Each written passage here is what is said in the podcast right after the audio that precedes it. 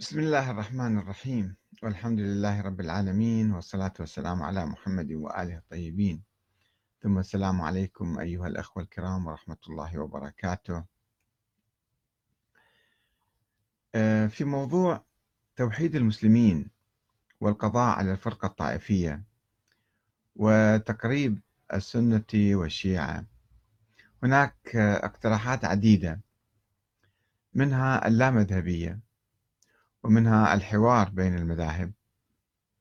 وهناك في التاريخ في الحقيقة آه، وفي المجتمع الإسلامي اليوم حتى آه، اقتراح جيد أيضا. هناك شيء يسمى السنة الاثنى عشرية. أنتم تعرفون جميعا الشيعة الاثنى عشرية. الشيعة الاثنى عشرية يؤمنون بالنص على الأئمة الاثنى عشر. وبالتالي هاي نظرية النص فيها جانب إيجابي وهو إثبات النص وجانب سلبي آه، آه، الاعتقاد باغتصاب الإمامة والخلافة من أهل البيت اللي هو جانب شوية سلبي يؤدي إلى توتر العلاقات بين الشيعة والسنة. وإلى جنب هؤلاء جنب الشيعة الاثنى عشرية هناك طائفة أو فرقة تسمى السنة الاثنى عشرية ما هو الفرق بين الاثنين؟ آه، هؤلاء السنة يؤمنون بالأئمة الاثنى عشر.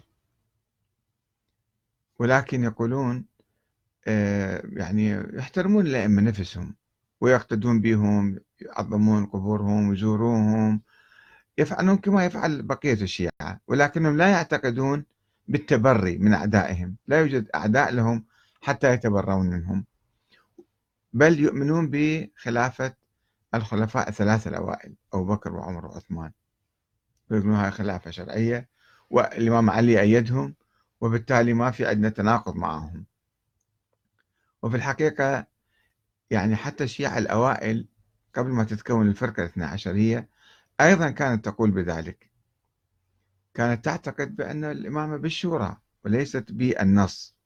وتعتقد بهؤلاء الأئمة الإمام علي الحسن الحسين زين العابدين باقر الصادق ما عندهم مشكلة ويا أشخاص الأئمة. وأنا أشوف أنه هذول الجماعة يعني يقدمون حل آه، جيد لمسألة الخلاف. إذا أن الشيعة خففوا من آه، من آه، تطرفهم في نقد أو التبري من الخلفاء واقتصروا على الإيمان بأهل البيت وحب أهل البيت واتباعهم واتباع فقههم حتى. ما ماكو مشكلة يعني. خلينا نتعرف على هؤلاء. يعني في زمن الأئمة بعض الشيعة كانوا يقولون بأن هؤلاء الأئمة في القرون الثلاثة الأولى أن هؤلاء الأئمة نفسهم معينون من قبل الله والخلافة من حقهم. طيب بعد وفاة الإمام الحسن العسكري في منتصف القرن الثالث الهجري سنة 260 للهجرة. واعتقاد فريق من الشيعة وربما بعض السنة مثلا في وقت لاحق أنه كان له ولد وغاب هذا الولد هو الإمام الثاني عشر محمد بن الحسن العسكري. عمليا الشيعة أصبحوا ما عندهم إمام يعني ما عندهم ما عدا الإسماعيلية.